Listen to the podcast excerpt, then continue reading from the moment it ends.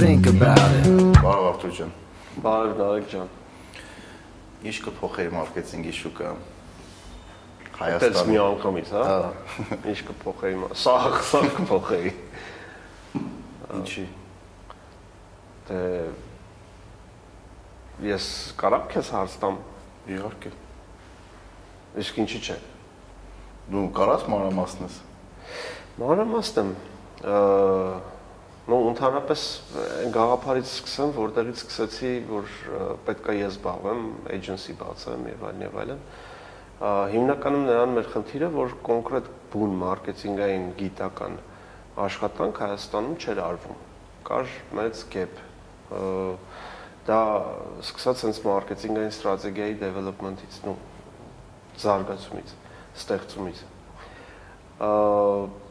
բազում ֆիրմաների հետ եմ աշխատել, բոլորի հետ միշտ այդ խնդիրը կար ու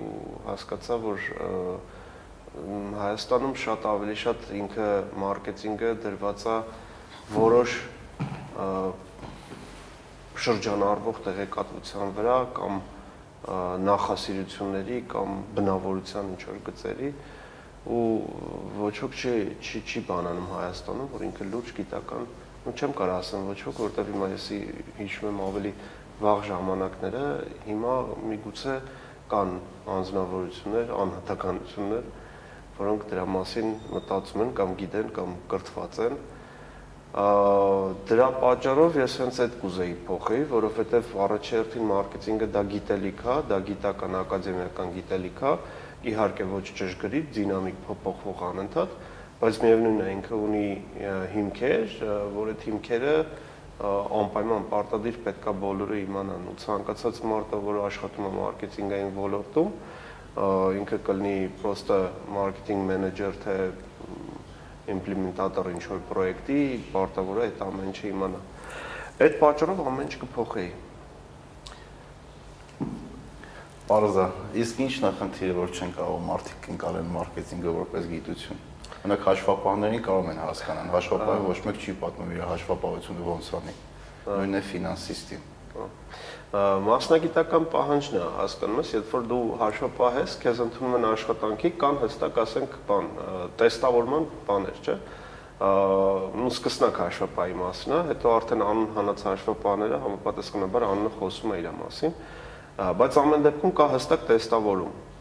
Այսինքն HR-ը երբ որ ընդունում է աշխատանքի ու ցանկանում է ընդունել աշխատանքի հաշվապահի, ինքը այդ տեստով անցնում է, եթե մարդը իրոք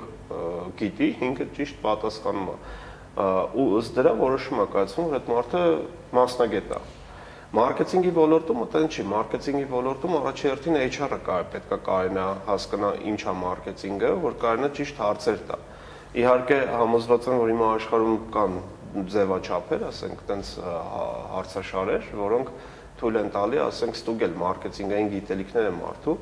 ու նորը ստայտն բանալ։ Ու քանի որ Հայաստանում դա տեղի չի ունենում, ու քանի որ Հայաստանում կոպիտ ասած այդ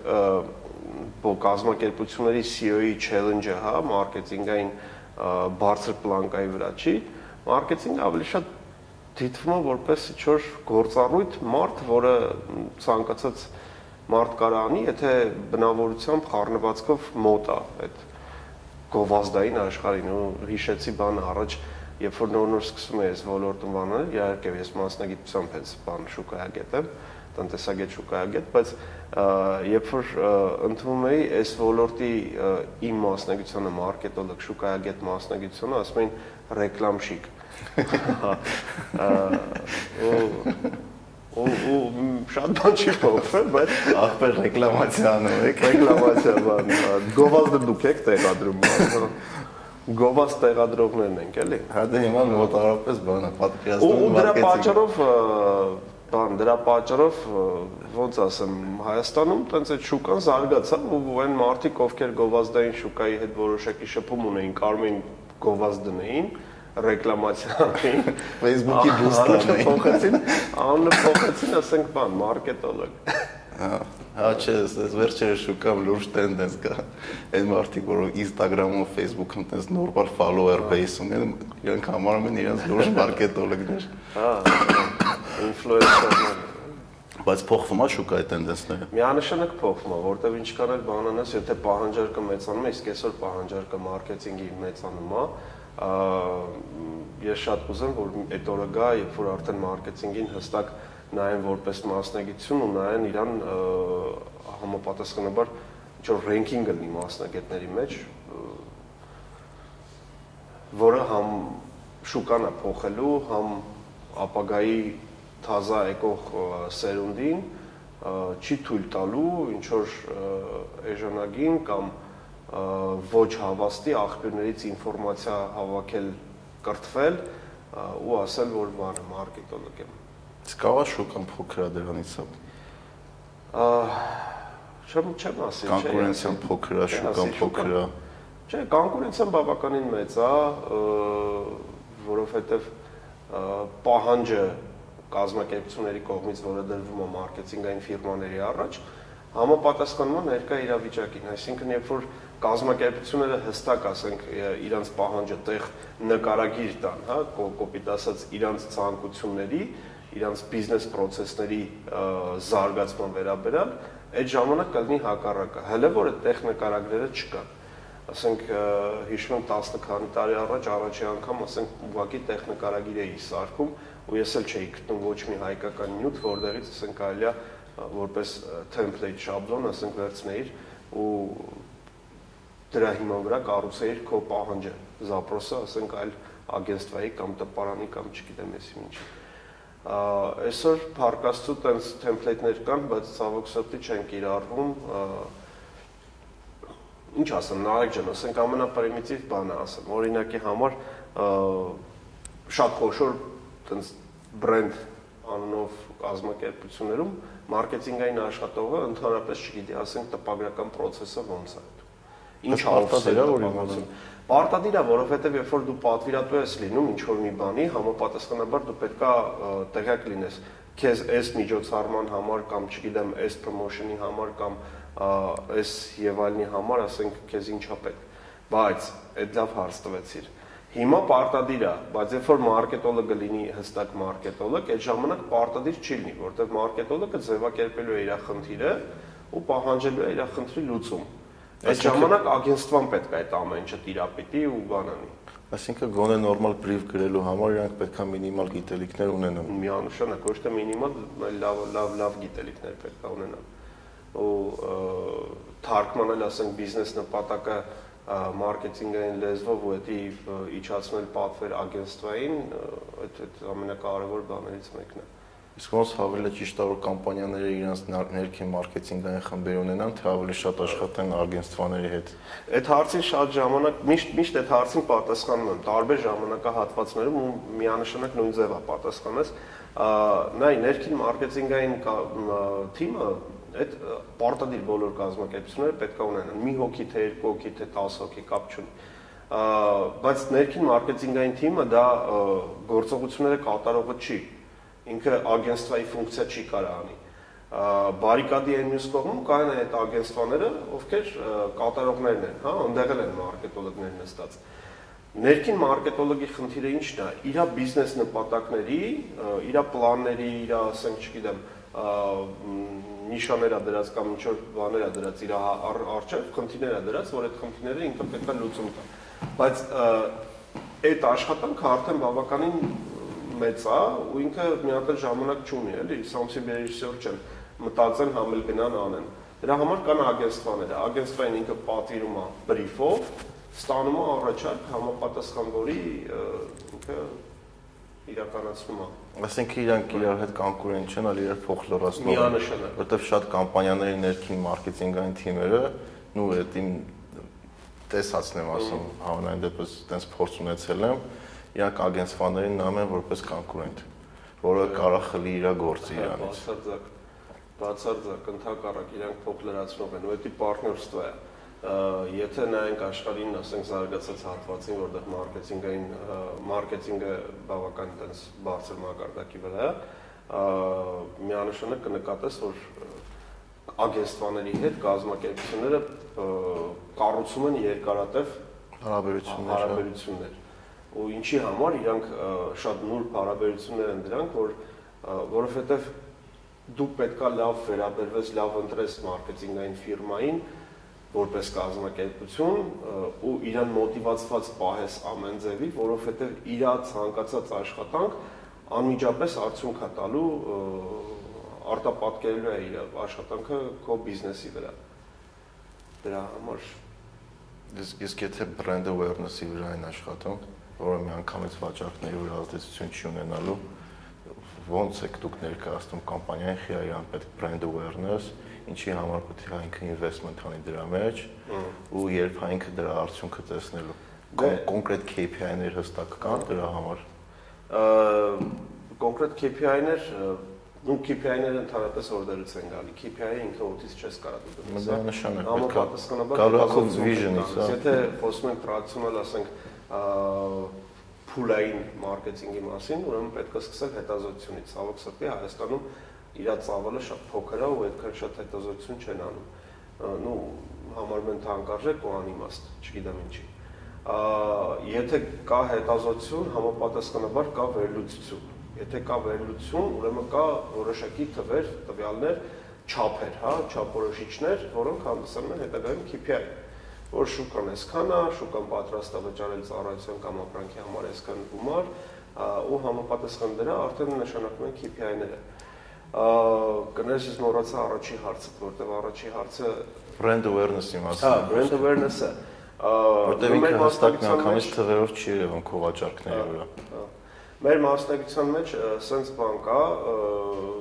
consumer decision making process դիագրամը, որը բավականին խորանում է ամեն փուլի վրա։ Ես մի հատ շատ sense գիծ ուղակի վեկտոր բանան եմ, որ բոլոր բանը գնումները սկսում են անցնում է 7 փուլ, հա, մարդու մարդու մոտ մարքեթինգը ավելի շատ ինքը նաև հոգեբանություն է ու դու պետք է հասկանաս քո consumer-ին, քո գնորդին, ով է ինքը,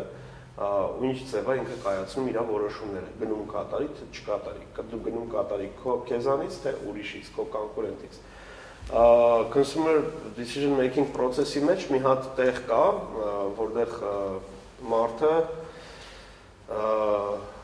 որոշումը արդեն կայացրել է իր մոտ ձևավորվել է պահանջմունք այդ ծառայության ու ապրանքի ձեռքբերման ու ինքը որոշում է կայացնում mindset-ը սարքում իր համար, որ բրենդերի մեջ պետք է ինքը ընտրություն անի։ Ուտեղ ինքը ունի top on mind second, secondary բան, երրորդ պոզիցիայով եւ այլն եւ այլն։ Brand awareness-ը պետք է նրա համար, որ դու պրոստը դու տեղավորվես այդ բանի mindset-ի մեջ։ Եթե դու չկաս իր mindset-ի մեջ, դու շուկայում չկաս։ Եթե դու consumer-ի, ասենք, լավ չեմ ասում առաջին տեղում, բայց գոնե երկրորդ, երրորդ տեղերում պետքա լինես եթե դու փոքր կազմակերպություն ես, եթե մեծանում ես, եթե մեծ կազմակերպություն ես, դու պետք է միշտ ցտես top on mind լինես ու պահպանես։ Օրինակի համար բոլոր խոշոր բրենդերը խեն Պաձերովիչի ռեկլամա անում, դա ոչ մի անգամ հələ Պաձերովիչի ռեկլամայի կորելացիան, նապրիմոյ ուղակի կորելացիան, ասենք վաճառքների հետ չեն կարեցել բանանան, ստուգեն ու ապացուցեն, բայց ինքը ակնհայտ է, որովհետև երբ որ գովազդը իներցիոն գովազդը գնում է, ինքը համապատասխան վաճառքներ է բանանում։ Գովազդը կտրում են, վաճառքները շարունակում են նույն ձևը իներցիայով գնալ, բայց որոշ չափ հետո, ժամանակ հետո ինքը սկսում է անկում ապրել։ Նորից գովազդը միացնում են տարբեր չենելներով ու սկսում է վաճառքները էլի հետ գալ։ Անում են մի հատ ահավոր վիրուսային կամ կրեատիվնի էս ինչ որ մի հատ կեմպեյն են անում, բայց reasonable, հա, մեկ էլ վաճառքները բարձրանում են Անմիջական կորելացիա չկա, բայց մարքեթինգային բոլոր գործողությունները, նմանավանդ գովազդային, եթե բանի տեսանկյունից նայենք, որպես գործիք մարքեթինգի, գովազդները իրանք ամենա հիմնական խթանիչներն են ապրանքի վաճառքների հետ։ Բայց միևնույնն ասում եմ, brand awareness-ը անմիջական կորելացիան իր վաճառքների հետ չես կարող ապացուցես։ Տրամաբանական է, բայց հստակ բանը գիծ չես կարող ցույց տաս։ Պարզ է, այսպես նոր տեխնոլոգիաները ոնց են ազդում ձեր ոլորտի վրա։ Դե ոնց է գիֆերը, չգիտեմ, TikTok։ Ահա։ Դե նայ նմանատիպ բաները մարքեթինգում միշտ է միշտ էլ եղել, հա, ու այդ մարդու սոցիալականության խնդիրը միշտ բերելու է նմանատիպ բաների։ Երբ որ հələ տենց այդ Facebook բան տենց ակտիվ չէր Հայաստանում, ասենք մարդիկ ոնց էին փորձում գովազդներ անել, գովազդում էին, ասենք բանի միջոցով մարշրուտների մեջ սիզենների հետևը ինչ որ ռաֆներ էին գրաֆա լայթ բոքսեր էին դնում վեճը բա դուք միշտ այդ պրպտում կա այս վերջերս մեկ եկել եմ այստենց ծառայություններ օգտակար աճակած մագազերներ եմ կարամ ձեր բրենդը ռեկլամաներ թույն էլի հենց էտա Դե բայց քննիրեն է, նայ օրինակ այդ մարտիկ եկել են, չէ՞, իրանք ինչ որ product են ստեղծել, այդ product-ով եկել են իմ մոտ, որ այդ product-ին ուրա ծախեն։ Դա էլի քո ասած խնդիրն է, այդ մարդը իր շուկան չի ուսումնասիրել։ Ինքը չի հասկանում, որ իր ծառայության target-ը ես չեմ։ Դու ին վրա ժամանակ մի ծախսի, քո ժամանակը թանկ է, որովհետև ես չեմ առնելու։ Ես իմ շուկան գիտեմ, իմ շուկան քո շուկայի հետ չի համընկնում։ Իմ հաճախորդը կոպիտ ասած չի նստում այդ տրանսպորտի տեսակը։ Որովհետև կոպի, եթե նու օրինակ բերենք ես վաճառում եմ Rolex ժամացույցներ, ես իմ Rolex ժամացույցների ռեկլամը գազելի մեջ չեմ անելու։ Դու մի արի, ինձ մի առաջարկի այդ ծառայությունը։ Մենք պետքա շուկան ուսումնասիրել։ Այդ այդ այդ խնդիրը մեր շուկայում կա, ոչ մեկ չի, նու ոչ մեկ չասեմ, կան շուկայում իրական բրենդեր ու մասնագետներ, որ ինչ որ քայլ անելուց առաջ իրանց շուկան ուսումնասիրում են, որ ավելի ժամանակ ու ավելի ռեսուրս չծախսեն այդ առանց շուկայի ուսումնասիրության ոնց որ աշկեր այդ փակ փողոց անցնես։ Բայց կստացվի, չի ստացվի։ Ինչ ես մտածում, ասենք Հարուստ Գագոձյան կարող է մարշրուտկով այդ գործի։ Կարող է։ Բայց համենայն դեպս ես իմ հաճախորդներին ճանաչում եմ օրինակի համար։ Համենայն դեպս այդ նախին բիզնեսը որտեղ ես աշխատում եմ։ Ես իմ հաճախորդին ճանաչում եմ, մենք ունենք կոնկրետ հստակ շուկայի ուսումնասիրություններ, թե որ սեգմենտն է մերը, որ սեգմենտների հետ այն ինչ-որ չափով կորորացվում ու կան outlier-ներ, թե չէ։ Ու այդ մարդիկ, ասինքն ես կարող եմ իմ հաճախորդների 2%-ը օգտվում է տրանսպորտի տեսակից բայց դա բավարար քանակություն չի, որ ես այդքան ժամանակ ու ռեսուրս ծախսեմ նման գովազդի տեսակի վրա։ Ու շատ շատ չէ, բայց եղել են դեպքեր, որ ագենստվաներն եկել են մեզ ծառայություններ են առաջարկել, որը մեր համար մտած բան չէ, իրենց մեր թարգետին չի խփում, մեր աուդիտորիային հետ չի համընկնում։ Այսինքն ըստ մա խնդիրը երկկողմանի է։ Քանի որ որակյալ ծառայություն շատ անգամ չեն տալիս, բիզնեսները մյուս կողմից սկսել են չվստահեն որովհետև երբ որ դու ասում ես ես քո համար կանեմ շուկայի վերլուծություն ու դա անում ես նա ձապլյավ, որը ոչ մի արդյունքի բիզնեսին չի բերում, բիզնեսը սկսում է չվստահի դրան։ Փորձի հիման վրա։ Միանշանակ։ Միանշանակ ու շատ տեղեր, ասենք մարքեթինգային ծառայությունները համարվում են բան շարլատանություն։ Հա, շատ բիզնեսներ Հայաստանում մտածում են, որ մարքետոլոգները շարլատան Չէ, բայց ագենստվաները ինչ կան իրանց հերթին անեն, որ բիզնեսները Հայաստանում իրանց ավելի շատ վստահ են ինչ քարեր կարելի է ձեռնարկել։ Նայ, Հայաստանում ագենստվաների համար կրկնակի երակի անգամ դժվար է, որովհետև կարաս դու ունենաս հոլյակապ գաղափար, հա, ինչ որ ապրանքի ծառայության առաջ խաղացման, բայց շուկայի փոքրությունը նայ, մեր գործի մեջ ամենակարևոր ֆակտորներից մեկը սեգմենտավորումն է, շուկայի սեգմենտավորումը, չէ՞ Բայց երբ որ մենք սեգմենտավորում ենք 3 միլիոն մարդուն, հա, 3 միլիոնի մեջ ասենք դու կարաս շատ մանր սեգմենտներ ունենաս, որ ասենք այդ տիպը մարդկանց այդ տիպաժը լինի, ասենք, չգիտեմ, մի 200-300 հոգանոց խումբ ու 200-300 հոգանոց խմբի վրա դու ֆիքսվես առանձին ստրատեգիա վաճառք կազմակերպես, ռեզուլտատ չի տալու մեր մասնագիտության մեջ այտենց հստակ թվեր կան, հա։ Սեմփլն էլ է քիչ ճիշտ արդյունքի հա, հասնելու։ Հա, հա, հենց այդ է, էլի, այսինքն կարող է այդ նույն գործողությունը, նույն գաղափարը իրականացնես դրսի շուկայում, որտեղ ասենք, չգիտեմ, 50 միլիոնը 3 միլիոնի փոխարեն, միանգամից բան ես տեսնում, արդյունք ես տեսնում, վաճառք ես տեսնում, որը արդարացնում է այդ կազմակերպության ծախսած գումարը ու իր եկած եկամուտը։ Իսկ Հայաստանում դժվար է այդ առնում, այսինքն այդտեղ կրկնակի երրակի քառակի անգամ ասենք դու պետքա ջանք բան անես ներդնես այդ ամեն ինչի մեջ որ ճիշտ ստրատեգիա ստրատեգիայի վրա դուրս գաս ու կարողանաս ունես առաջ խաղացում կազմակերպես որ հնարավորինս շատ մարդու բան անես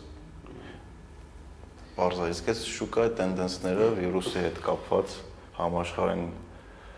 Կորոնա։ Հա, կորոնավիրուս։ Համաշխարհային շուկաները նո երեկվա դրությամբ համենայն դեպս 7% մենակ Dow Jones-ներ են գել։ հա։ Մի պահ դաժե New York-ում տրեյդը կանգնացրեցին, որովհետև դե շատ տխուր էր վիճակը։ Դե միանշանակ էդի բոլոր ոլորտներին հիմա խփում է ու բոլոր ոլորտներն էլ կանգնելու են ինչ որ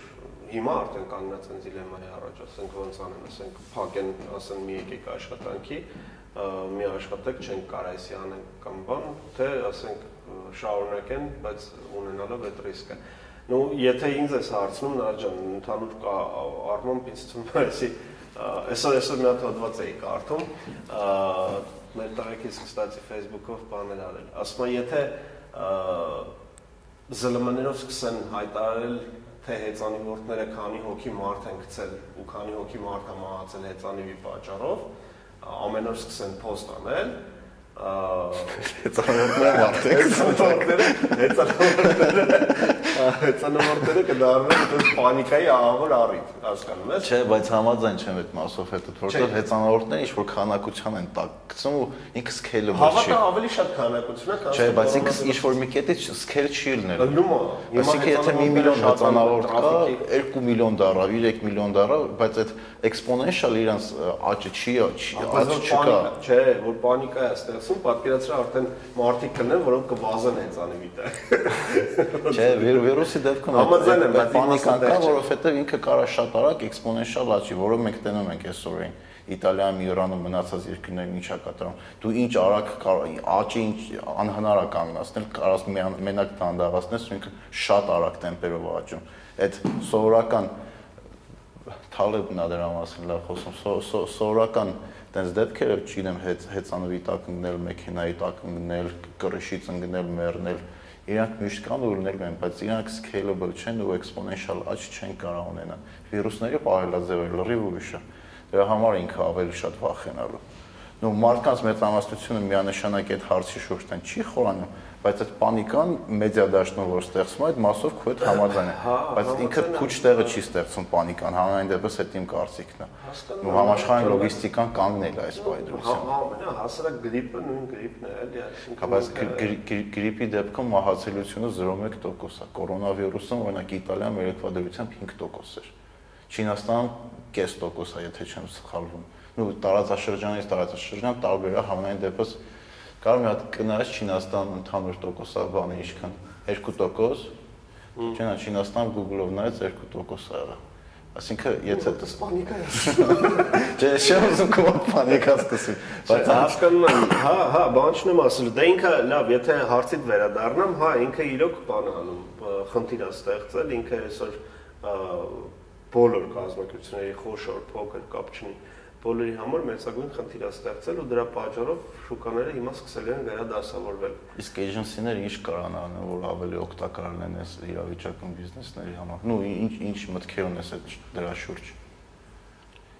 Շատ չխորանաս թե չեզիաներդ կգողանան։ Հատենց խաշատ։ Հա, հատենց խաշատ կա Հայաստանում։ Չնայած մենակ Հայաստանում չի։ Բայց իդեան գործի 50%-ն է։ 50%-ը ավելի շատ կատարումն է, execution-ը, որտեղ ամենալավ իդեան կարաս հերնանից ես, եթե նորմալ չկատարես։ Չունեմ։ Չունես մտքեր։ Նո մարքեթինգին ինձ թվում է շատ վտանգավոր չի ամեն դեպս agency office-ների համար, որտեղ տանես դուք կարող նորմալ աշխատեք։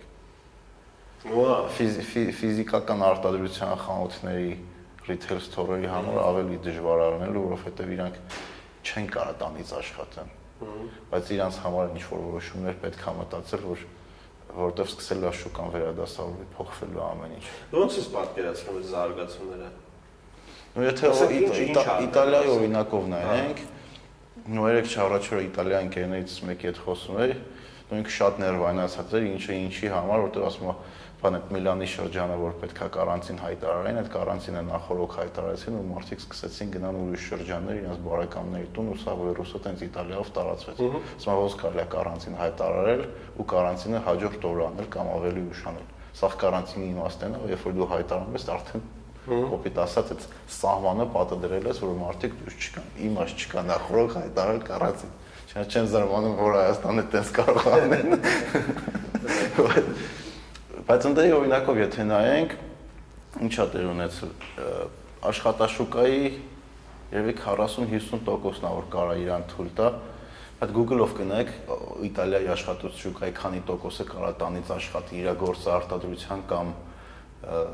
ֆիզիկական location-ի հետ կապված չի։ Այսինքն շուկա ինչ որ տոկոսն է, որ կարա տանից աշխատի, մնացածը ֆիզիկապես իրանց աշխատավայրում պետք է լինեն հատկապես եթե ժամավճարով է ինքը վարձատրվում, իր համար աշխատանքի չգնալը քրիտիկական է, որտեղ ժամավճարով աշխատանքի գնացողի համար աշխատ աշխատավարձը արդեն ցածր է ու ինքը իրան չի կարա թույլ տա երկար չաշխատի դրա համար պետական մարմինները կամ գործատուները ինչ որ ձև այդ հարցը պետք է լուծեն որովհետև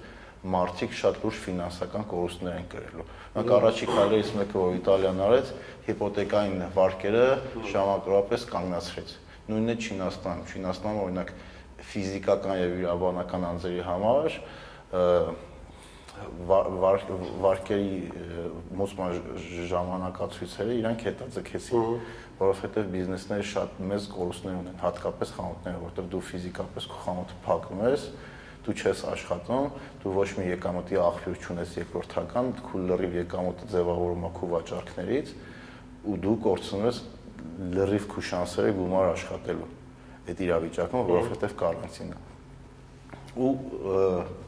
այդ այդ այդ իրավիճակում դու չես կարողանում վարկել ժամանակին տաս, դու չես կարողանում ժամանակին աշխատավարձ տաս, հատկապես բիզնեսների շատ-շատ մեծ կտոր, իրանք ազատ քեշ չունեն Apple-ը չէ՞ լի որ 150 միլիարդ ազատ քեշ ունենա, կարողանա իրան թույլ տա 2 տարի ոչ մի բան չանի։ Դրա համար շուկան շատ լուրջ խնդիրներ է սկսելու, շատ լուրջ, որտեղ պետական մարմինները, բանկերը իրար հետ պետք է սերտ համագործակցեն 3-4% ինչներ տանից ընդամենը 3-4%, այսինքն բնակչության 96.6%-ը չի կարա ֆիզիկապես մենակ տանից աշխատի։ Նու Իտալիայի տնտեսությունը մի քիչ ուժ ձև կառուցվածք ունի, այնտեղ սելուլոզ։ Հայաստանում այդ թիվը ավելի մեծ է։ Այստեղ սախ տնից է աշխատում։ Նու օրինակ այդ այդ է խնդիրը, որ շուկան սկսում է ձևափոխվել, մարկանց պահելաձևը սկսելու է փոխվի։ Մարդիկ պետք է իրար հետ քիչ շփվեն որտեղ այդ շփումից Բայց լավ ոնց ես տեսնում օրինակ ճիշտ նկարագրում ես այդ բանը շղթայական կապը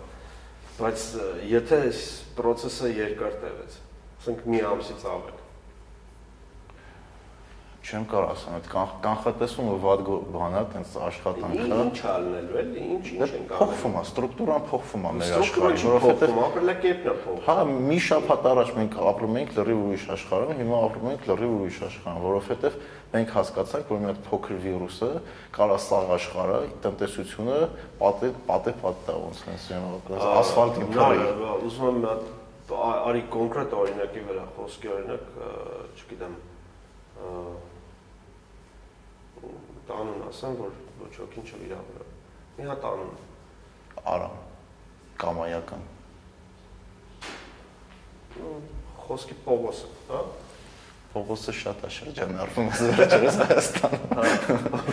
Ասենք Պողոսի միջին ակին ցածը։ Պողոսի մոտ պանիկա է, ինքը ընտանիքով բանը փակվում է տունը, ինքը ունի որոշակի գումար, կուտակած, հա ենթադրենք, չգիտեմ, ինչ որ մի հատ X գումար, որը ինքը պլանավորել է։ Ու այդ գումարը ինքը իրան հերիքացնում է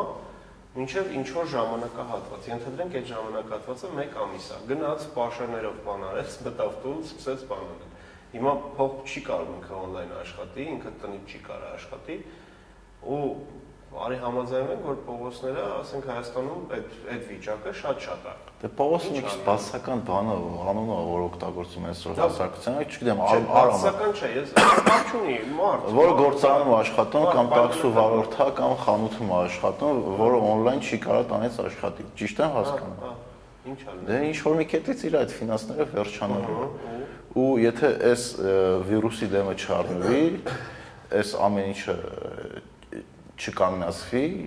որի միակ լուծումից մեկը նորմալ հիգիենա պահելն է, ամեն օր լվացվելն է, մարդկային շփումը մաքսիմում քչացնելն է ու հաջորդ հաջորդ օրներ ու իրար վրա չհազար չփրեշտալ լիքը բաներ կա ձերքեր լվանալ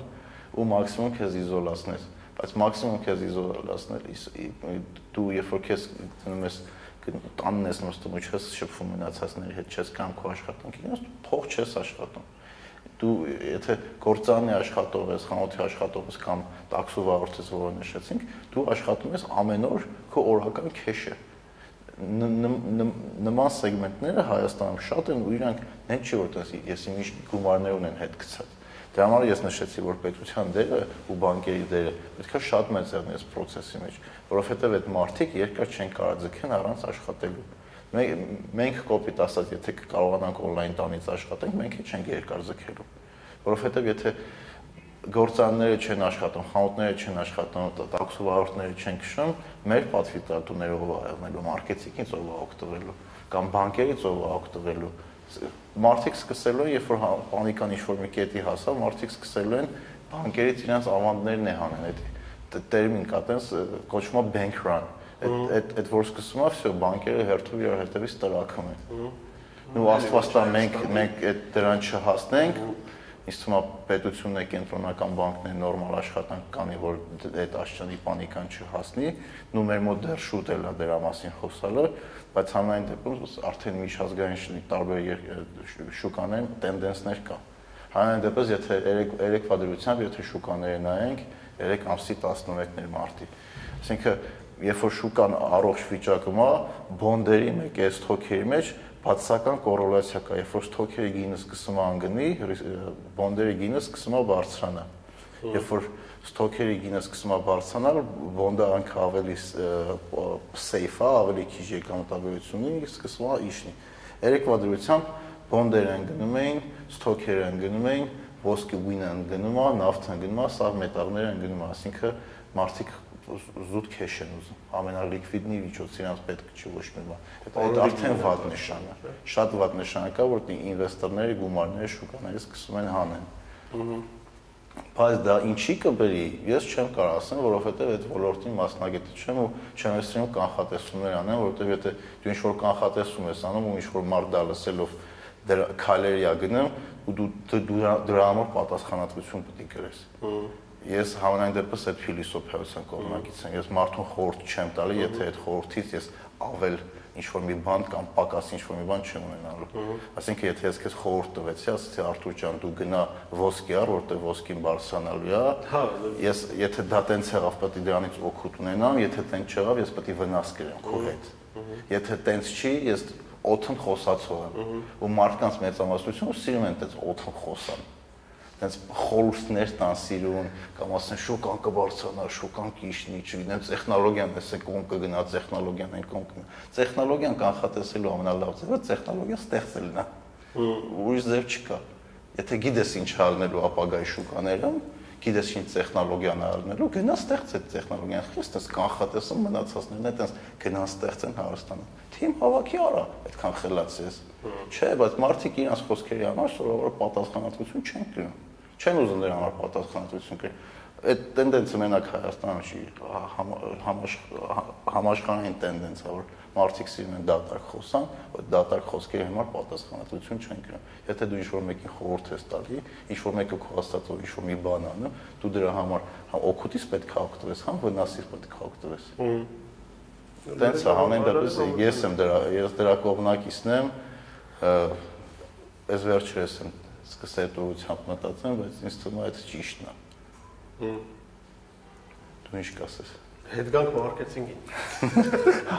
Լավ շեղվեցինք։ Լավ շեղվեցինք կառավարությունը։ Չեմ ուզում մտածում։ Հա, ես էլ այդ կանխատեսումներ ունեմ, այդ կանխատեսումները վատն են։ Միանշանակ վատն են չունեմ ինչ որ մի հատ հիմա իդեա, որ ասեմ այդ իդեան կաշխատի, բայց մի հատ իդեա ունենք էլի, ոնց կարելի է այդ կրիզիսից դուրս գալ։ Բայց երեք նա ստացիայի կարծում եմ conspiracy theory-ներից, ասում ես հատուկ էս վիրուսը ստեղծել են, որ թոշակային ֆոնդերը թեթևացնեն։ Փոլապ են։ Քանի որ բանը ինքը հիմնական տարիքով մեծ մարդկանց է համար շատ վտանգավոր ու 80-ից բարձր։ Հա, մահացելությունը տարիքով մարդկանց մարդկանց մոտ ավելի լավ է։ Ասում ես հատուկ այս վիրուսը ստեղծել, որ տենց թոշակառուներից ազատվեն, որովհետև պետությունների համար թոշակային մարքեթինգային խոդա։ Դե ինչ իմանաս ով է այդ ինֆորմացիան լցրե, ով է այդ ինֆորմացիան տարածել, բայց միանշանակ այդ ինֆորմացիան, որ տարածվել է, դրա մասին գրում են համաշխարհային մեծ թերթեր ու ես ու դու այսօր նստած դրա մասին խոսում ենք, նշանակում է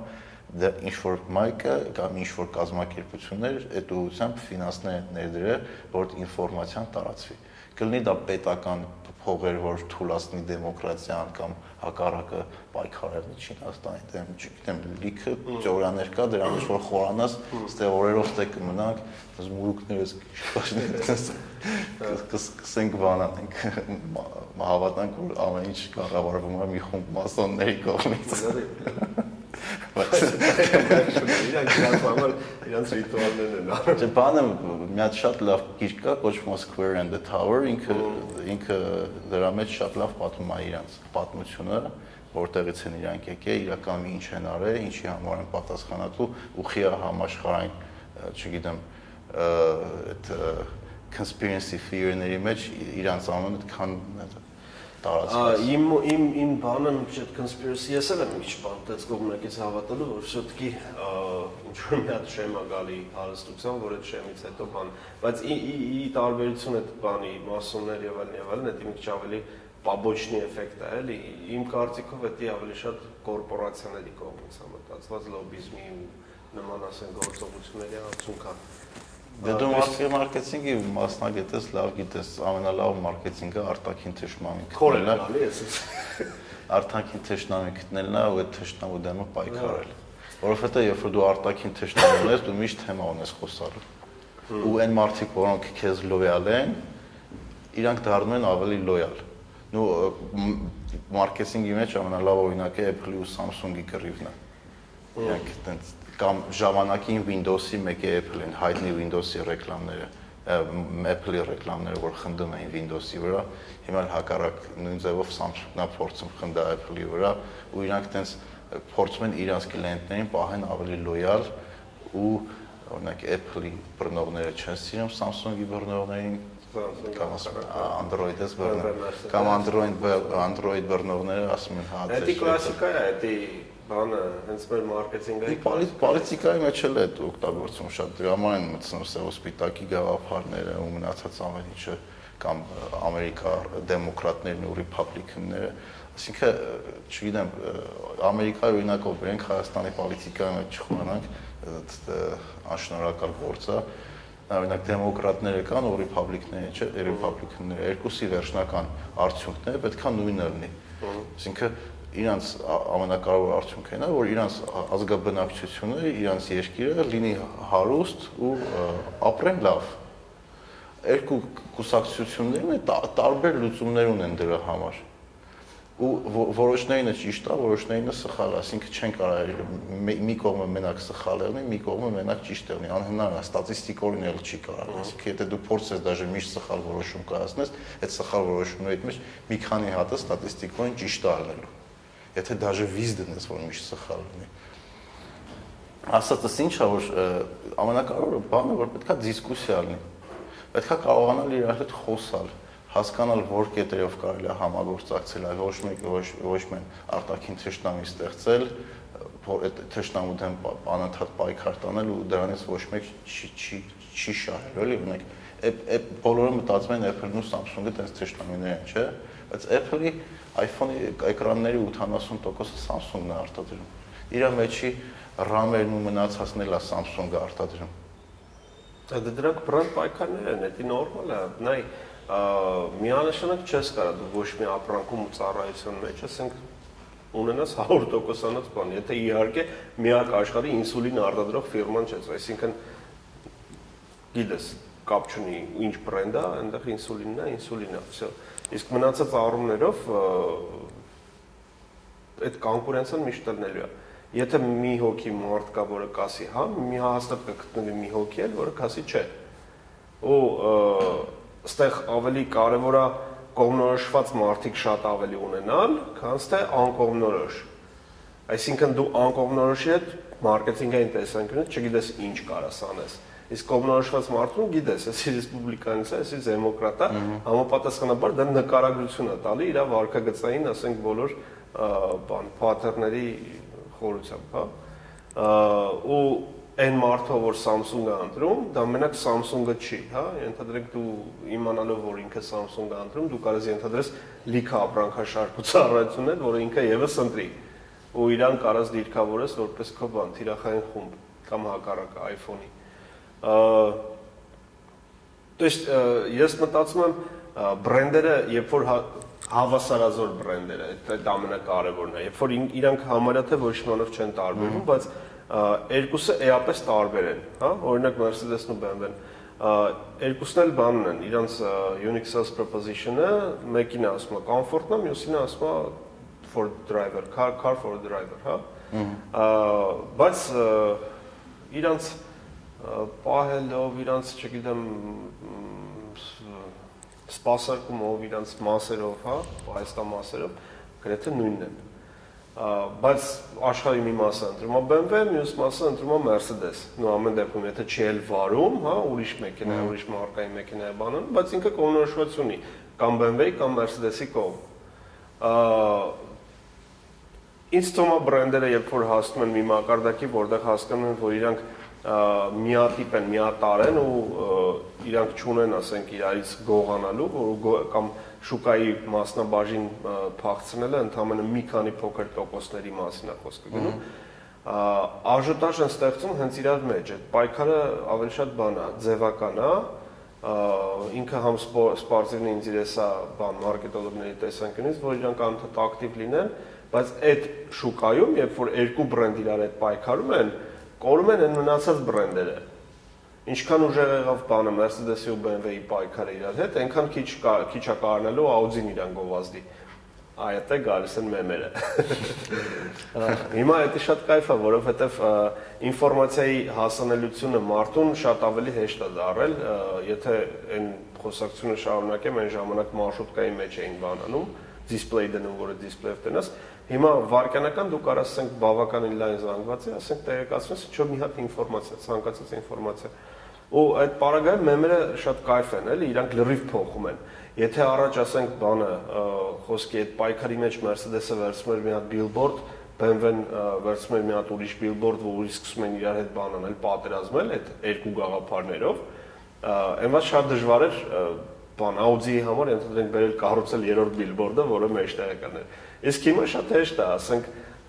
Facebook-ով դու կարաս պրոստը մի հատ սիտուացիվնի, ասենք, post անես, ու այդ սիտուացիոնի post-ը կարող ահավոր viral է, թա, եթե իր գաղափարը այնքան հետաքրքիր է ու լավն է, էլի, տիպուկա։ Այդ Challenger brand մեկ-մեկ կլնելը շատ ավելի հետաքրքիր է, չէ՞ օրինակ McDonald's-ի մեկ է Burger King-ի բարագայում։ McDonald's-ը տենց չի կարող իրան պահի, ոնց որ Burger King-ը ու Burger King-ը անընդհատ խնդում է McDonald's-ի վրա, ինչ որ տարբեր տենց հավեսով կամփեյններ անում, որ շատ խնդալ է, որտեղ ինքը challenge brand է, ինքը կարա դա իրան թույլ տա։ Ինքը երկրորդ տեղում է։ Միշտ երկրորդ տեղում է։ Ну, ընդհանուր եթե ստրատեգիայի առումով նայես, ոնց է, դե միանշանակ ով որ կատակով challenge-ը անում բանման, միանշանակ ինքը երկրորդ տեղում է։ Այնը որ առաջի տեղում է, կոպիտ ասած ինքը իր տեղում նստած լավ է Բայց ինչ անում, եթե բանանենք ստրատեգիայի տեսանկյունից նայենք, մարքեթի առաջի պոզիցիայում գտնվողը ինքը սարի գլխին է, իր հիմնական խնդիրը որն է, ինքը էլ պիկ, ինքը պիկի վրա է, ինքը չի կարա, էլ ուրիշտեղ չունի գնալու, իր միակ խնդիրը ներքևի իր աբարոնն է, այսինքն ինքը պետք է իր Փարիսը սարքի, իր դիրքերը ամրապնդի, ու իր համար շատ ավելի հեշտ է, որովհետև բարձր դիրքից ներքև ներքևի դիրքին, ասենք, բանը վնասազերծելը շատ ավելի հեշտ է, քան թե ներքևից բանը հարցակվել վերև։ Երբ որ, երբ որ թուլանում է, երբ որ ինչ որ միտեղ շատ արխային անգնում, ինքը պրոստը կարա այդ պարիսպները իրա հնանան կամ ակտուալ չլինեն, ինչ որ թազաբան։ Ինչ որ նիշա բացվի, նիշա բացվի, նա ճեղքի, հա, այդ ճեղքից հաստատ այդ երկրորդ պոզիցիա, որտեղ երկրորդ դաժի երրորդ պոզիցիաները միշտ ձգտում են պիկ հասնելու։ Ու դրա համար այդ նույն բանը Burger King-ի, ասենք, ծիծաղալու տենց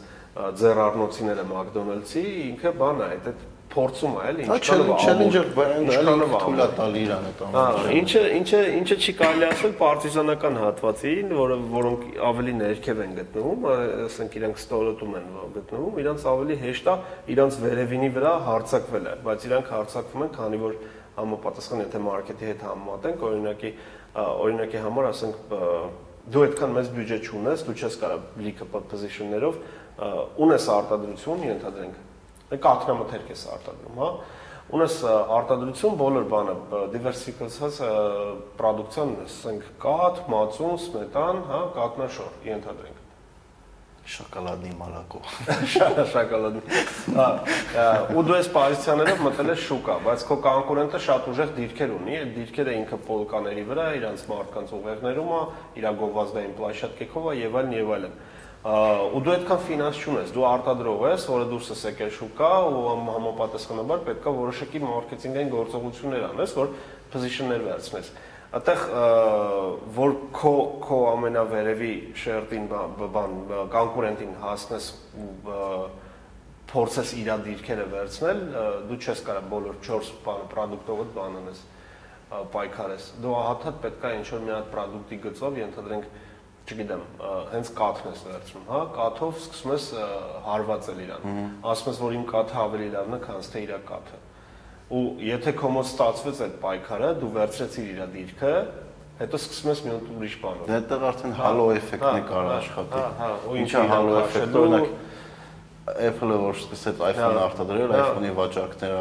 իր բոլոր device-ները, մնացած device-ները սկսեցին աճել։ Հա, տենց է։ Այսինքն iPhone-ի success-ը Mac-ի վաճառքները բարձրացրեց, iPhone-ի ստացվել է, էլի։ iPhone-ը iPhone-ը բան արեց, iPhone-ը փոխեց մարդկանց մտածելակերպը իր խնձորի բանով։ То есть ինքը շատ ճիշտ ստրատեգիա տարավ, ինքը խնձորը բան արեց,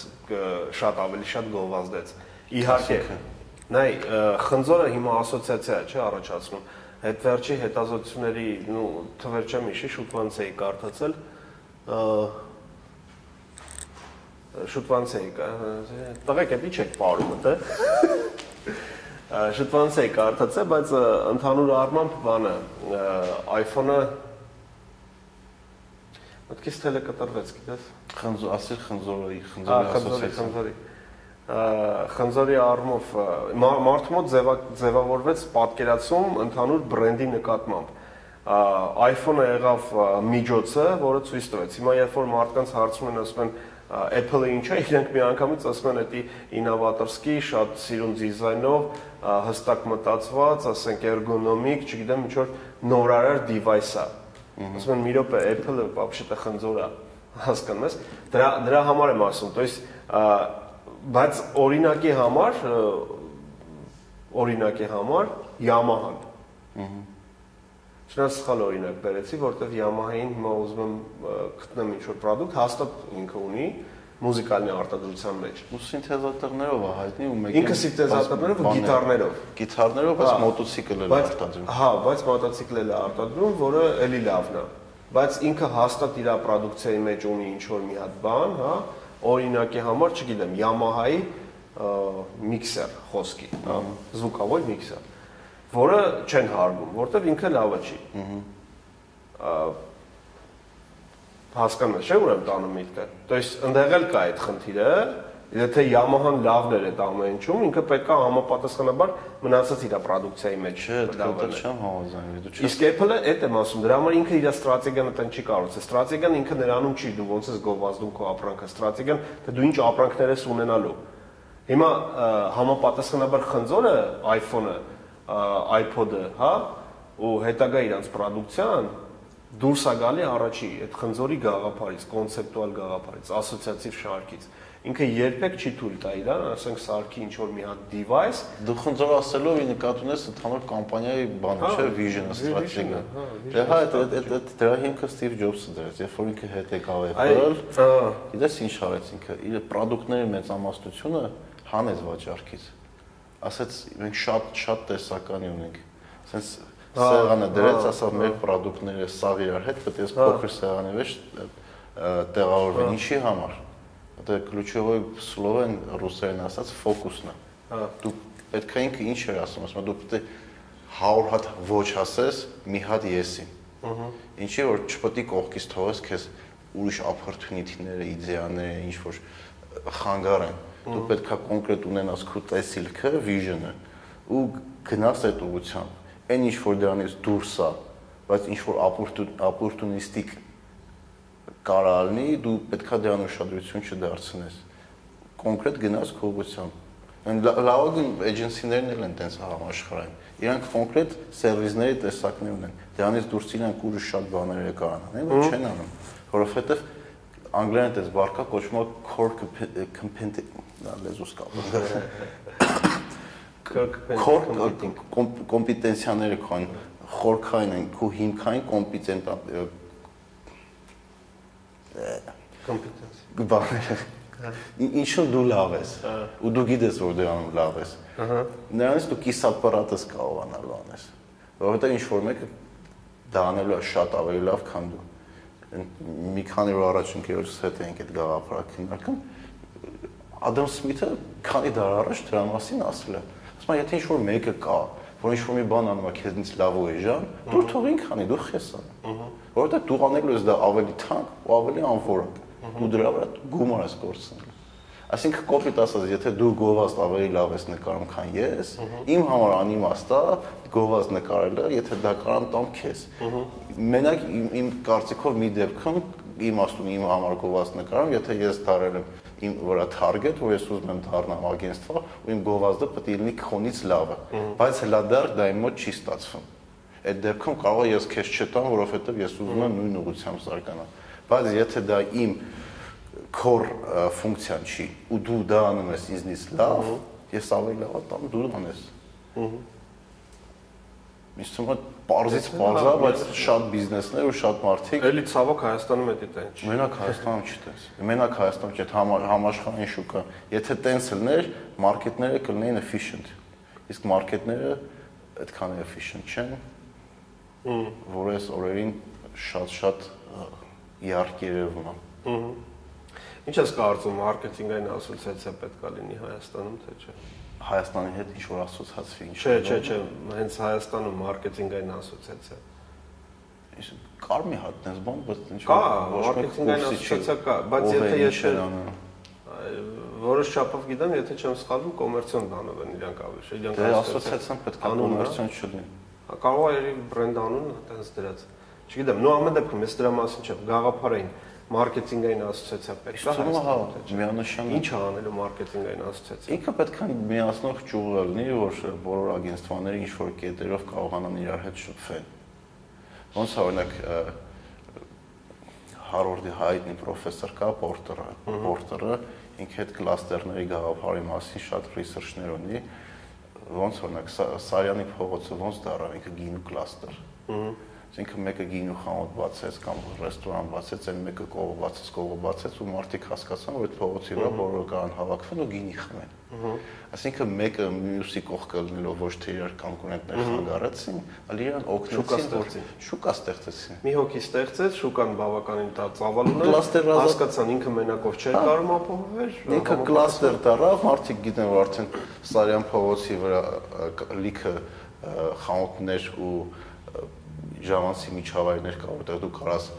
լավ գինի խմես, լավ ժամանակ անցկացնես ու մարդիկ կոնկրետ գնում են այդ ծառայության հետևից այդ փողոց։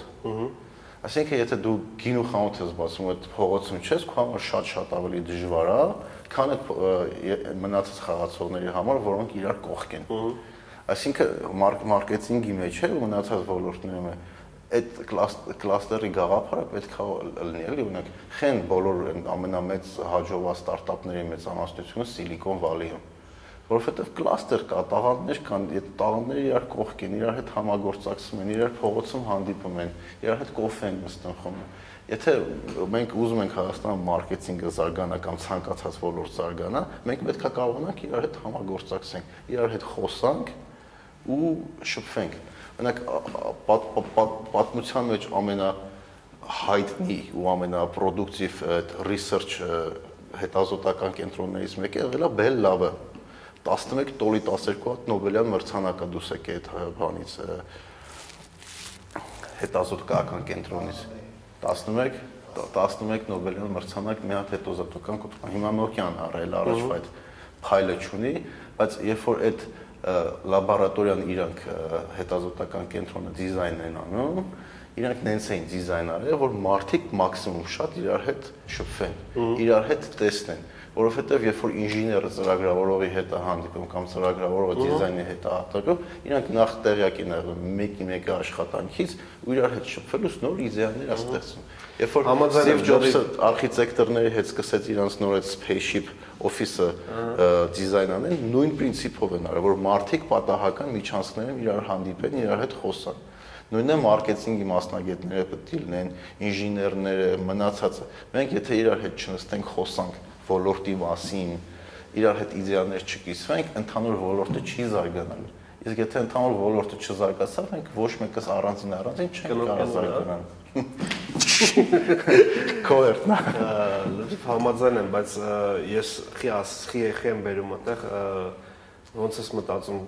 ինչ խնդիրներ է առաջի հերթին։ Okay, co-working-ը ասեն գաղափարների բանը փոխանակում է, դա միանշանակ թույն է, բայց ներկայդրությամբ մարքեթինգային ոլորտում շուկայում կա բավականին մեծ խնդիրներ։ Օրինակ մեծագույն խնդիրներ։ Դե օրինակ այն որ դու հիմա ագենստվա ես, չէ՞։ Ու ես սկսնակ եմ։ Սկսնակ ագենստվա ես։ Ես ես չեմ ասի, տենց շատ մեծ եմ, բայց դե տենց էլ։ Բայց երկար փորձ ունես։ Փորձ կա դու պրակտիկորեն արդեն տենում ես, չէ՞, երևի որ բանը քեզ հաճախորդը ասում է աշխատի գործարա, հա, բայց դրա համար չի վճարում, ոչ թե վերջնական գործի մասին չի խոսքը։ Ա դե ասում է հələ մի հատ առաջարկ տուր, մի հատ տենամ, հասկանամ եւ այլն եւ այլն դրա համար չի վճարում։ Բայց նա կարես նկարագրես քո առաջարկը ինչու նա կարան։ Ոչ դու պետք է գրավես հաճախորդի։ Դեպքերը լավ է, մենք արդեն պատրաստի կամպեյն են ուզում, որ կամպեյնը դուր, մենք որոշենք աշխատենք թե չէ։ Ես դրա ասեցի չէ։ Ես ես չեմ կարող քեզ պատրաստի կամպեյն տան, որի վրա ես պետք է մի ամիս ռեսուրս ծախսեմ։ Ու հետո դու ասես չէ։ Մենք կարող ենք իրար հետ ինչ-որ պայմաններ քննարկենք, ոնց կարող ենք իրար հետ աշխատել, եթե կամպեյնը դու չկա, ոնց կկարողանանք փոխենք բայց չի կարա նենց լինի, որ ես մի ամիս աշխատեմ, կամպեյն ստեղծեմ ու դրա համար ես ընդհանրապես ոչ մի գումար չվաստակեմ։ Եթե ես համենայն դեպս այտենց եմ մտածում ճիշտ ես մտածում, Նարեկ ջան, ես էլ էի սկզբից տենց մտածում, բայց մեր կողքին կան այն մնացածը, ու ես էլ եմ հիմա տենց, ես ես էլ եմ հիմա տենց դարել, ինչի համար, որովհետև հակառակ պարագայում այս շուկայում չես կարող աշխատես։ Ինչի համար, որովհետև այդ մարքեթինգային ասոցիացիան չկա, ու մենք չենք կարող հավաքվենք, ասենք ժողովուրդ հերիք եղավ, փոլ եղավ Եթե դուք առաջարկ եք տալի, կեմպեյն առաջարկ եք տալի, որը արդեն ստրատեգիա ինչ որ մի բան է, հա, ստրատեգիկ մտածելակերպով կառուցված ինչ որ առաջարկ կա, որտեղ կա բյուջետինգ, կա բան եւ այլն եւ այլն։ Մեր կորսը ինչու՞մն է կայանում։ Մենք այդ գումարը, որ ֆիրման տալիս է մեզ, ու մենք չենք ստանում դա ու գնում վայելում, չէ բացարձակ այդ գումարը ծախսում է որոշ մեդիա չենելների վրա համապատասխանաբար որոշակի դիզայն գործեր, վիդեո գործեր, չգիտեմ, տարբեր այդ ամեն ինչը բան է սան։ Հիմա եթե նայենք այդ տեսանկյունից, եթե դու ասում ես այդ կլիենտին, ինքը ասում է, օքեյ, օքեյ, որտեղ այնտեղ քո հետևը եւս մի 20 կազմակերպություն կա, որոնք տուպը ասենք կգան կանեն այդ գործը, ու անում են։ Ու մի օր ես հասկացա, որ որակի խնդիր է կա։ Այ այդտեղ գալիս ենք այն առաջի հատվածին, որ ասում էի, challenge չկա, հասկանում ես, մեր շուկան մեզանց չի ուզում բան, խնդրի լուծում։ Մենք խնդրի լուծող չենք, մենք դիզայն անող ենք դարել մենք սիրուն պոպուշ դիզայն անող ենք տարել։ Հիմա ով որ ամենակայֆոտ դիզայնը կարա նկարի կամ ռոլիկ նկարի, ինքը ամենակայֆոտ մարքետոլոգն է։ Իսկ դա ճիշտ է։ Չէ, տենց է, Նարեկ ջան, իմ իմ կարծիքով տենց է։ Ես էս նու դու շատ ավելի երկար ես շուկամ, շատ ավելի լավ ես պատկերացնում։ Իմ ստրատեգիան մի քիչ ուրիշ է, մենք ավելի շատ աշխատում ենք մեր պրոդուկտների վրա, ոչ թե շուկայի հետ նո փորձում ենք բնականաբար տարբեր կլիենտների համար հարցեր լուծենք, բայց բանը ես հա, համոզված եմ ու դա տենց է կա միջազգային շուկան, մարքեթինգը ինքը հարց լուծողը, ոչ թե մենակ սպոպուշ նկարներ նկարելու համար որովհետև օրինակ Apple-ից օրինակ գնաց։ Apple-ը խի է Apple, որովհետև Apple-ի մարքեթինգը ամենտեղ է։ Ինքը product design-ի մեջ արդեն կա։ Ինքը երբ որ product-ա դիզայն անում, արդեն մարքեթինգը որոշում է այդ product-ը ոնց պետք է լինի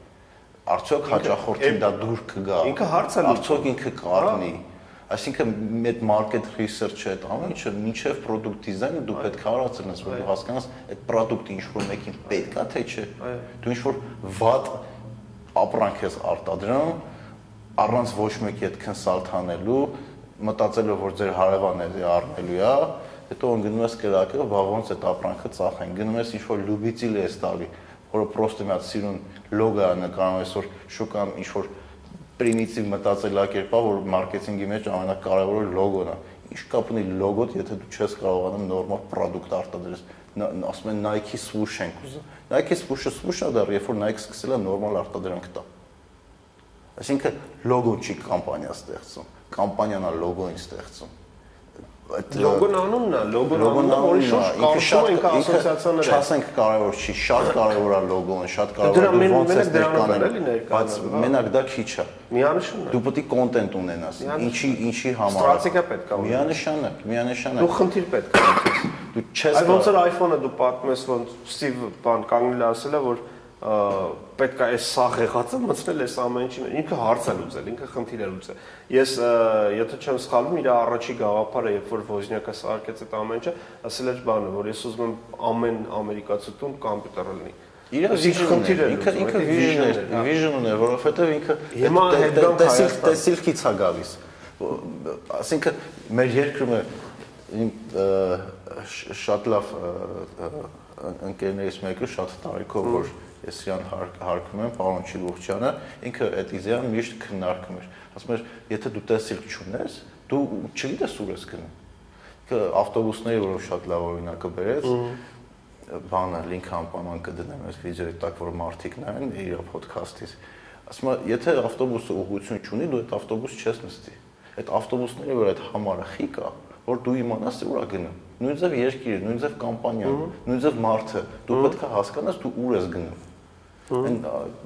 բան ասվածը շնչի մեջ էլ էր չէ, տանտերը աստղը կար, դու այդ աստղի հետևից գնում ես, որ տենար այդ երեխու։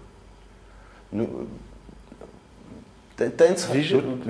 պետք է ունես, տեսիլ պետք է ունես, դու պետք է հասկանաս ուր ես գնում, ոչ թե հակառակը։ Դր- Դրա համար ինձ թվում է մարքեթինգը շատ կարևոր դեր ունի, էլի խաղալու շուկայում ու ոչ միայն մարքեթինգը, այդ ստրատեգիան։ Դե հիմա այդ եմ ասում, նայ, հետ եմ գալի այն նախորդ բանին, բրիֆին, հա? Քեզ բրիֆը ուղարկում են ոչ թե մարքեթինգային խնդիր լուծելու, հա, բիզնես խնդիր լուծելու։ Չէ, քեզ ուղարկում են բրիֆ բան, ենթադրենք, ասենք, չգիտեմ, մենք մի հատ բան ենք արել, սենց բան ենք արել, չգիտեմ, խի ենք արել, բայց խի ենք արել, ոնց եղավ, սենց եղավ, բայց դե սենց եղավ, դրա համար մի հատ ռոլիկ է պետք նկարել։ Okay, Ռոլիկ նկարելը ագենստվայի գործողություն է, բայց եթե մարքեթինգային տեսանկյունից նայենք, ինքը մարքեթինգային ագենստվայի չի։ Դու կարաս պրոստը production լնես, հա, ու ասենք բանն ես, բայց ռոլիկի կոնտենտը, կոնտենտը դա արդեն մարքեթինգային գործ է։ Ոչ միայն։ Այնտեղ կա նաև կրեատիվշիկի գործ, որ կրեատիվշիկը պարտադիր չի մարքետոլոգը լինի։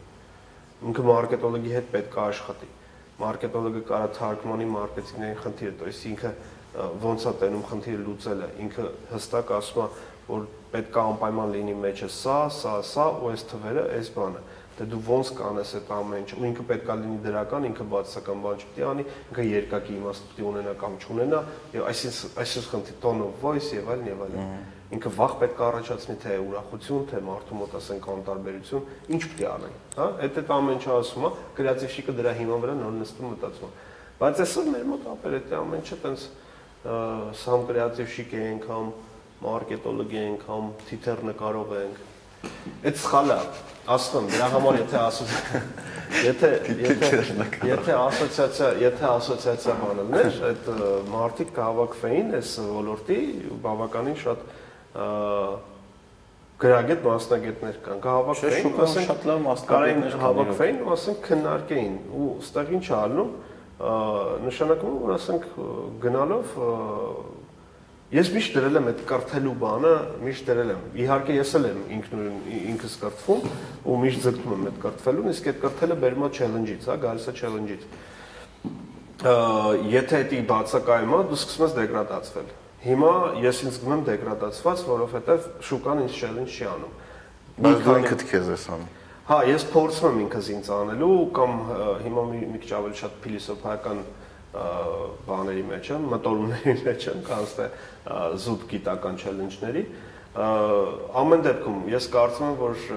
ոլորտը որպեսզի զարգանա, մենք պետքա մարքետոլոգը պետքա փոխի շուկան։ Շուկան փոխելը ասել է, պետքա այսինքն կլիենտների մտածելակերպը փոխի։ Ամեն դեպքում ես ցանկացած ասենք հաճախորդի հետ աշխատանքի մեջ փորձում եմ այդ գիտական որոշակի pašար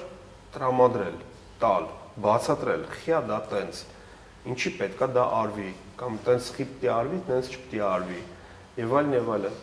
ու դա միշտ եղել է էլի մեր մեթոդաբանության մեջ, հələ դաժե մինչև ագեստվա բացելը, մինչև բանը, երբ որ որտեղ էլ աշխատել եմ, միշտ այդ կոմպոնենտը եղել է։ Ու ես լսել եմ, որտեղ ես էլ ինքն բան դու կարաս լիքը հետաքրքիր մարքեթինգային բաներ ասես, բայց մարդը ով որ հստակ բիզնես է անում ու ինքը իր նպատակները, իր բան, իր վիժնը ունի ու իր անմիջական, ասենք, կառավարումը ֆինանսների գիտի, դու իրանից լիքը բան ես սովորել, ու ես լիքը լիքը բան սովորել եմ։ Իրանք ոնց են տեսնում, ոնց կարան դա անեն, ոնց չէ։ Դու ինչը կարաս իրան առաջարկես, ինչը չէ։ Այսինքն կան նպատակարարություններ ու միշտ ասենք այն չի էլի որ դու պետքա միշտ open minded ես օրինակ հիմա պրոստը անունը չասեմ մի կազմակերպություն որտեղ որ աշխատում եմ ես այն սկզբից ամեն ձգտում էի չէ մենք պետք է դառնանք առաջինը մենք ձգտենք գնանք առաջինը առաջինը առաջինը այդ մարդը իմ ղեկավարը հա ասում էր հա չէ ես հետո հասկացա որ դա պետք չի առաջինը պետք չէ դու պարտադիր չի միշտ առաջինը լինես Դա կարևոր չի։ Նու կարևորը դու քո նիշան լավագույնն ես։ Հա, քո նիշան լավագույնն ես։ Դու քո սերվիսով թե դու մի օր կդառնաս առաջինը։ Հիմա ասում եմ համել ինչ որ իրավամերժ բաներ եմ ասում, հա իհարկե կազմակերպությունները պետքա ձգտեն առաջինը լինեն, բայց որ որ տեսանկյունից օրինակ այս մի կազմակերպությունը որտեղ է նորմալ define պետք է արվի, ինչ է նշանակում այդ առաջինը։ Առաջինը, հա, то есть բանը մի հատ տենց առակ կա, չէ, բան այստի մասին։ Այստը առաջինն է, Մարագիլի, հա, Արագիլը, որ ասում աստված բան անում, թրջուններին որոշման երաշխություն սովորացնի, երկեր սովորացնի, հա, ու որ թրջունները իմանում են, գնում են որ դեպի բան աստված աստծու մոտ, որ աստված սովորացնի, էլի։ Գնում են մոտը ու ոնց որ Արագիլը ամենաառաջինը որ հասնի առաջինը ինքը սովորի, Գալիս է բան, տենց մի անգամից մտնում է դուրը բացում մտնում է, ասում է դե ասա ինչ եմ սովորում, ասում է առաջի հերթին դուրս արի ու փեդի վրա սենց բան անում, կտկտացնում, մինչև այսօր առագելը կտկտացնում։ Հասկանու՞մ ես, դա դες հստակ պետք լինի, առաջինը ինչու՞մ ու առաջինը որտեղ խի, էլի, ու դա ո՞նց է պետք անել։ Այդ այդ ղեկավարիցս հասկացա, որ իր իր ձգտումը առաջինը չի, իր ձգտումը ավելի շատ իր սերվիսների որակի բարձրացումն է որը հետագայում կբերի առաջի տեղին։ Դա իհարկե, եթե այդ ավելի sustainable, նո կայուն կայուն կայուն է լինի բանը իր գործողությունների մեջ։ Մի հատ հարց է, որ խոսում ենք հարց առաջացնում, ո՞նց ես մտածում, Apple-ը կշարունակի իր այտենց գործունեությունը, թե ինքը որպես բրենդ կմարի։ Ինչքանով է կապված, ինչքանով է կապված Jobs-ի բան Jobs-ի կերպարը Apple-ի հետ։ Ու հարցս ավելի խորն եմ բանանում։ Ցանկացած հայկական կազմակերպություն իր էությունը, իր ղեկավարի հետ ինչքանով է կապված։ Հայաստանում շատ կապված է, որովհետև Հայաստանում մենք այդ կորպորացիաների ստրուկտուրաները չունենք։ Ոնց որ օրինակ Ամերիկայում երբ որ ինվեստորները, հիմնադիր, բան հիմնադիրներ, հիմնադիր չասեմ, ներդրողները առանձնված առանձնացված են բան կամպանիայի, ֆիրմայի կառավարումից։ Հայաստան կազմակերպությունների մեծ մեծամասնությունը հիմնադիրը հենց կառավարիչներն Կապ չունի ինքը դա լավ անում, թե լավ չի անում։ Այստեղ այդ մենտալիտետը դեռ մտած է։ Ես կամպանիան բացել եմ, ես պետք է կառավարեմ, ես բոլորից լավ եմ հասկանում։ Չնայած փոխվում է։ Շատ-շատ ներդրողներ, հիմնադիրներ արդեն հասկացել են, որ ինչ որ մի բան, եթե իրանք A կետից B կետ են տարել, B կետից C կարող է չկարողանան տանել, որովհետև դրա համար պետքա լրիվ ուրիշ ունակություններ ու շատերը նորմալ թիմեր են հավաքում, նորմալ տնօրեններ են դնում ու շատ անգամ կառավարման մեջ անգամ չեն խառնում։ Այդ պրակտիկան արդեն Հայաստանում կա բիզնեսի տեսակից է կախված ինձ թվում է եթե հարցիդ կանք եթե որովհետև Steve Jobs-ի կեր նման կերպարները իրականում բիզնեսի մեջ շատ-շատ քիչ կան, որ ինքը տենց ուժեղ կապակցված է, կորոլացված է հենց բիզնեսի հետ։ Նու ժամանակակիցներից, ապրողներից եւ տենց Elon Musk-ն է, որ Elon Musk-ը կոնկրետ Tesla-ի հետ կապնված է, բայց եթե դու նայում ես խիադա տես դարը, օրինակ Elon Musk-ը Tesla-ի տնօրենին գործից հանեց դրա համար, նու համնային դեպս թերթերում տենց էին գրում, որ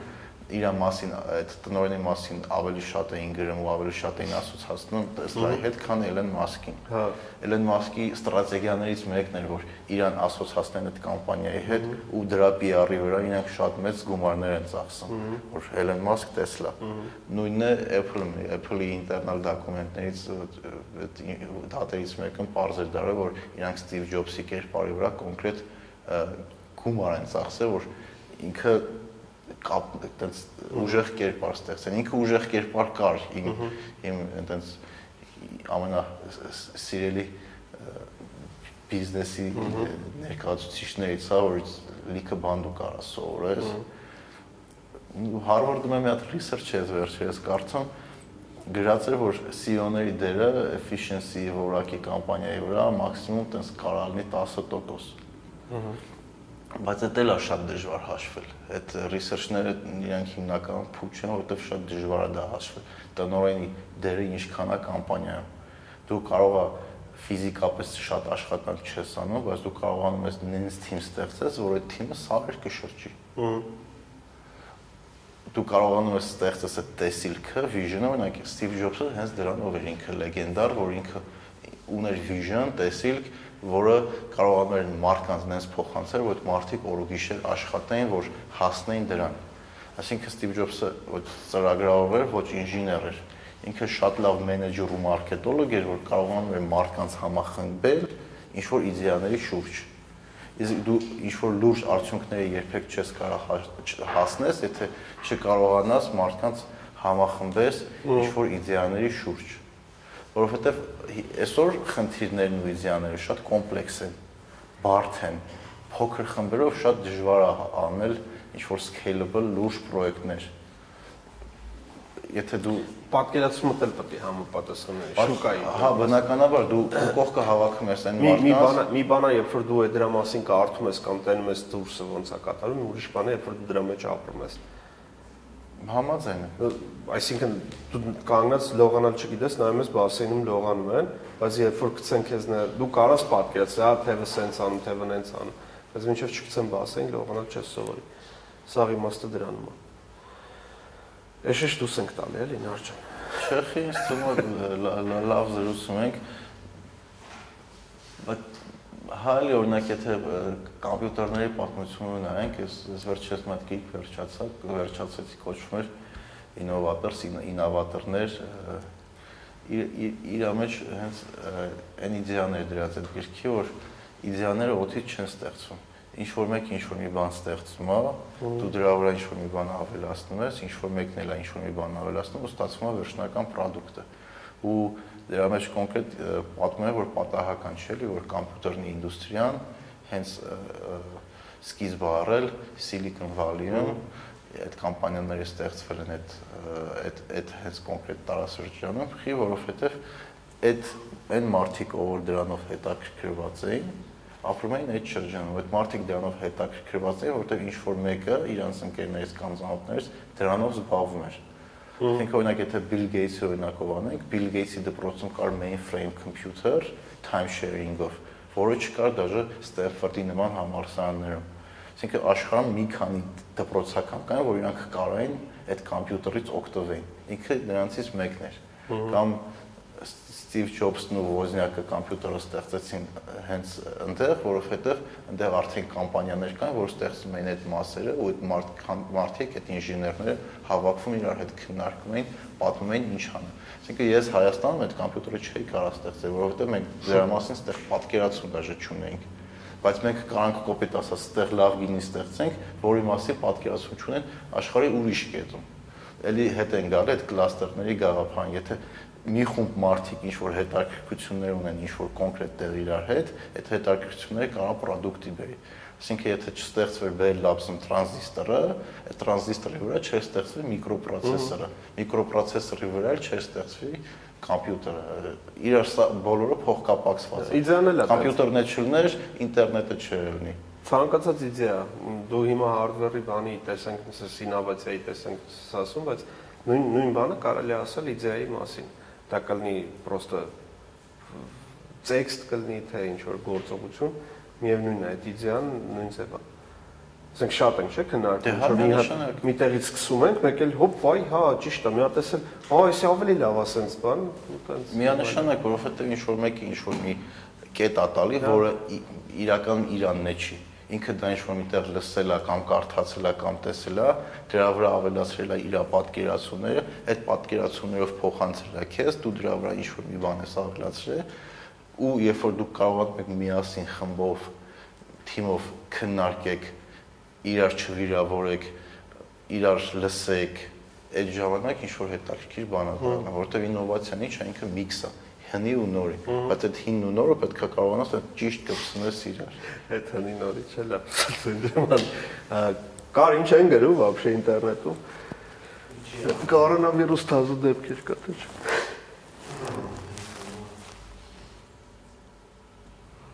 Դե առավոտը նորությունն էր, որ բանը Կանադայի պրեմիեր մինիստրը կինը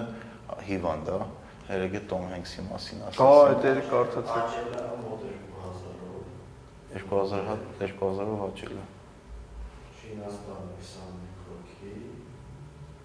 US-ը 1700, Բայց Ամերիկան բանը դե տեստերի քանակն է քիչ, քիչ են տեստավոր։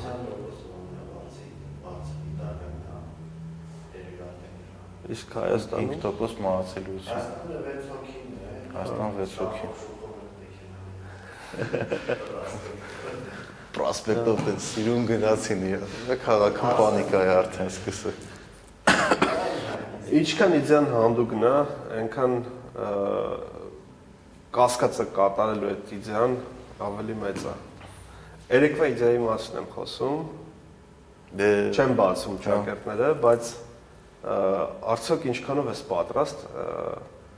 տենց բան անելու։ Դե լավագույն իդեաները շատ անգամ կլիենտն է կարա սպանի, որովհետև մի շատ մոդնի բարգ է, էլի, դուխով չի այդքան։ Դուխ չի անի այդ իդեան անի, էլի։ Բայց եթե իդեան լավն է, ինքը եթե իր կլիենտին կգտնի։ Միանշանակ էլի, դու պետքա այդ իդեան չսպանես այն պատճառով, որ կլիենտը չի ուզե։ Կամ պետքա փորձես իր հետ ոնց լեզու գտնես, բացատրես, հասկանաս, Համոզես համոզես ու պատասխանություն ու պատասխանատվություն վերցնել շատ կարևոր է, երբ որ եթե դու այդ մարդու ռիսկերը կիսում ես հետը, այդ մարդը քեզ ավելի է վստահում, էլի, որտեվ եթե դու իր հետ պատրաստ ես գնաց ներքև է, բարձրանաս վերև է, ինքը քեզ վստահում է, որտեվ մարդիկ ուրիշ մարդկանց շռամները դեմքի տենում են։ Եթե ինքը տենում է դու քու դեմքի վրա շռամ չունես, ինքը քեզ չի վստահում։ Դրա համար երբ որ կողից ինչ որ խառում մառը մարդիկ են գալու, չգիտեմ, պոլիտիկայի մեջ կլինի, բիզնեսի մեջ կլինի, շատերին խիչ են վստահում, որտեվ այդ շատերը չունեն էլ այդ փորձը չունեն, այդ շռամը չունեն իրանց վրա։ Ես դու ասում ես շուկան այդ մաներները փչացնում են, չէ՞։ Բայց այդ մաներները շուկայից դուրս են գալու, որովհետև իրանք պատրաստ չեն կլիենտի հետ կիսեն իրանց հոգսը իրանք այնտեղ մենակ option են ուզում, որ այդ option-ը loss չունի, մենակ ունի gain, բայց այտենց չի լինում, էլի հիմնականը չի լինում։ Ճիշտ է, դու կարաս փորձես գտնես այտենց option-ներ, որտեղ մենակ gain կարաս ունենաս, բայց այդ gain-ը չպետք է լինի մենակ ուրիշների հաշվին։ Դու պետք է կարողանաս կլիենտի հետ ազնիվ լինես, ցանկացած բիզնեսում, ցանկացած ոլորտում դու պետքա իր ռիսկն է կիսես, իր շահն է կիսես, ոչ թե մենակ լավ լավը կիսես, էլի օրինակ անհատական կոնսուլտանտներին շատ բիզնեսներ խիչ են դա վստահում, որտեղ գալիս են, ասում են, «Էս արեք, այն արեք» ու ռիսկը չեն կիսում հետո։ Կամ է սրտացավ չէ։ Ես ինքս կոնսուլտացիա բիզնեսների արել եմ, բայց փորձել եմ մաքսիմում սրտացավ անեմ բիզնեսի, որովհետև դու պետք է հասկանաս, որ այդ բիզնեսի loss-ը քո loss-ն է։ Եթե դաժե ֆինանսապես չէ, անունի loss-ել է, որովհետև քու տված խորհուրդների, քու գրած ստրատեգիայի վրա, եթե բիզնեսը գումար է կորցնում, եթե դու ֆինանսապես է ոչ մի բան չես կորցնում, դու պետք է գոնե քու ռեյտինգի ինչ որ տոկոս կորցնես։ Ու կորցնում ես։ Ու սենց ասեմ, միշտ տենց է, որտեղ աշխատել եմ, որտեղ բան եմ արել, այդ բրենդին հավատացել եմ։ Ու դա երբ որ ինչ որ դաժե կլիենտի տեսանք, ինձ եթե կլիենտ եմ ունեցել, իրան չեմ հավատացել, բիզնեսը չի ստացվել։ Չեմ արել։ Իսկ եթե արել եմ, ասենք շատ արհեստական բան է եղել, էլի, արհեստական։ Իսկ որ ֆիրմայի մարքեթինգն է, բան անենք ես մարքեթինգի մեջ օրինակ առաջին ինտերվյուներ որ անում եմ, միշտ մարքեթինգի հետ կապված հարց տալիս է քեզ այդան սահմանափակելուց առաջ, որ կամպանիայի կամպեյններն է մարքեթինգային ստրատեգիան է քեզ այտենց ինսպայր անում ամենաշատ դուր գալիս vocation-ում։ Հայաստան թե Չէ, միջազգային, միջազգային։ Հայաստան դժվար այդ հարցին պատասխանել։ Ագենստվա թե բան։ Բրենդ։ Բրենդ, բրենդ մարքեթինգային ֆիրմայի բրենդ թե պրոստը բրենդ։ Պրոստը բրենդ։ Շունի կլի Coca-Cola, Nike կամ ինչ-որ մեկը։ Բրենդ։ Այս վերջը իր գործողություններով բանով, հա, թե Պրոստը իր մարքեթինգային ստրատեգիա ու implementation of campaign-ների որակով, կրեատիվի որակով։ Հա, այս վերջերս Pornhub-ը։ Pornhub-ը, հա, երեք շատ ուժեղ ռեկլամներ։ Քի մենակ երեք։ Այս մոտավորապես 2-3 տարի է, ահավոր ուժեղ բաներ անում։ Շատ շատ ուժեղ կեմպեյներ անում, այնց որ դաժե մտածում ես ասենք ասենք այդ ժողովուրդը այդ ստրատեգիան, որը վարում է, вообще ոչ ոք կապված չլինի այդ բրենդի հետ, բայց անմիջապես կապված է բրենդի հետ ինձ դուր է գալ իրանց մոտեցումները, իրանք այնքան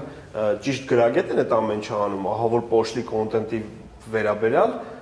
շատ նուրբ հումորային կոնտենտ են տալի, բայց էլի պոշտի։ Բայց նրանց են անում, որ դա ասենք ոնց ասեմ, ասենք կոպիտ ասած երեխուդ հետ եթե տենաս այդ պոստը, ասենք չես ամաչի տենց էլի։ Հա։ Հասկանում ես, շատ շատ հետաքրքիր նուրբ են անում այդ գրագրությունը գտել։ Հա, ու գրագետ է, շատ գրագետ է, ու խի է իրանց ստրատեգիան, ասեմ, որովհետև համապատասխանաբար restriction-ներով բանը ֆիրմաները ավելի դժվար են անում իրանց մարքեթինգը, քան թե այն ֆիրմաները, ովքեր restriction-ներ չունեն։ Օրինակ, ես սիրում եմ Nike-ը, բայց Nike-ի համար շատ ավելի հեշտ է այդ ամեն ինչը, որտեղ Nike-ը կարա այդ ամեն ինչը ֆուտբոլների, то есть իր մեդիա channel-ները, որը ինքը կարա օգտագործի, խողովակները բոլորը որ կարա օգտագործի, շատ-շատ են։ Իսկ նման ֆիրմաների համար իրանք շատ սահմանափակ են, ահավոր սահմանափակ են ու հələ դրան էլ հետ մեկտեղ իրանք ժամային սահմանափակում էլ ունեն։ Երբ կարա ինքը այդ ցույց տա, երբ չի կարա ցույց տա։ Ու այդ դրա մեջ որ իրանք տեղավորվել են ու տենց կայֆոտ կոնտենտ են անում ու չոտկի ասենք այդ կոնտենտին կարելի է պրոստը sense պալսի վեր, հա, միշտ մշտապես ինձ այդ դուր է գալի։ Իրականում այդ իմ top on mind-ներ, հա Այսինքն, սենց չէ կողոնարուս։ Օբլա։ Մերսի շատ։ Մերսի, քեզ էլ մերսի։ Ուսում եմ խոսեմ։ Հա, ուսում խոսամ։ Խոսամ։ Just think about it. Lately I've been skeptical, silent when I would used to speak, distant from all around me.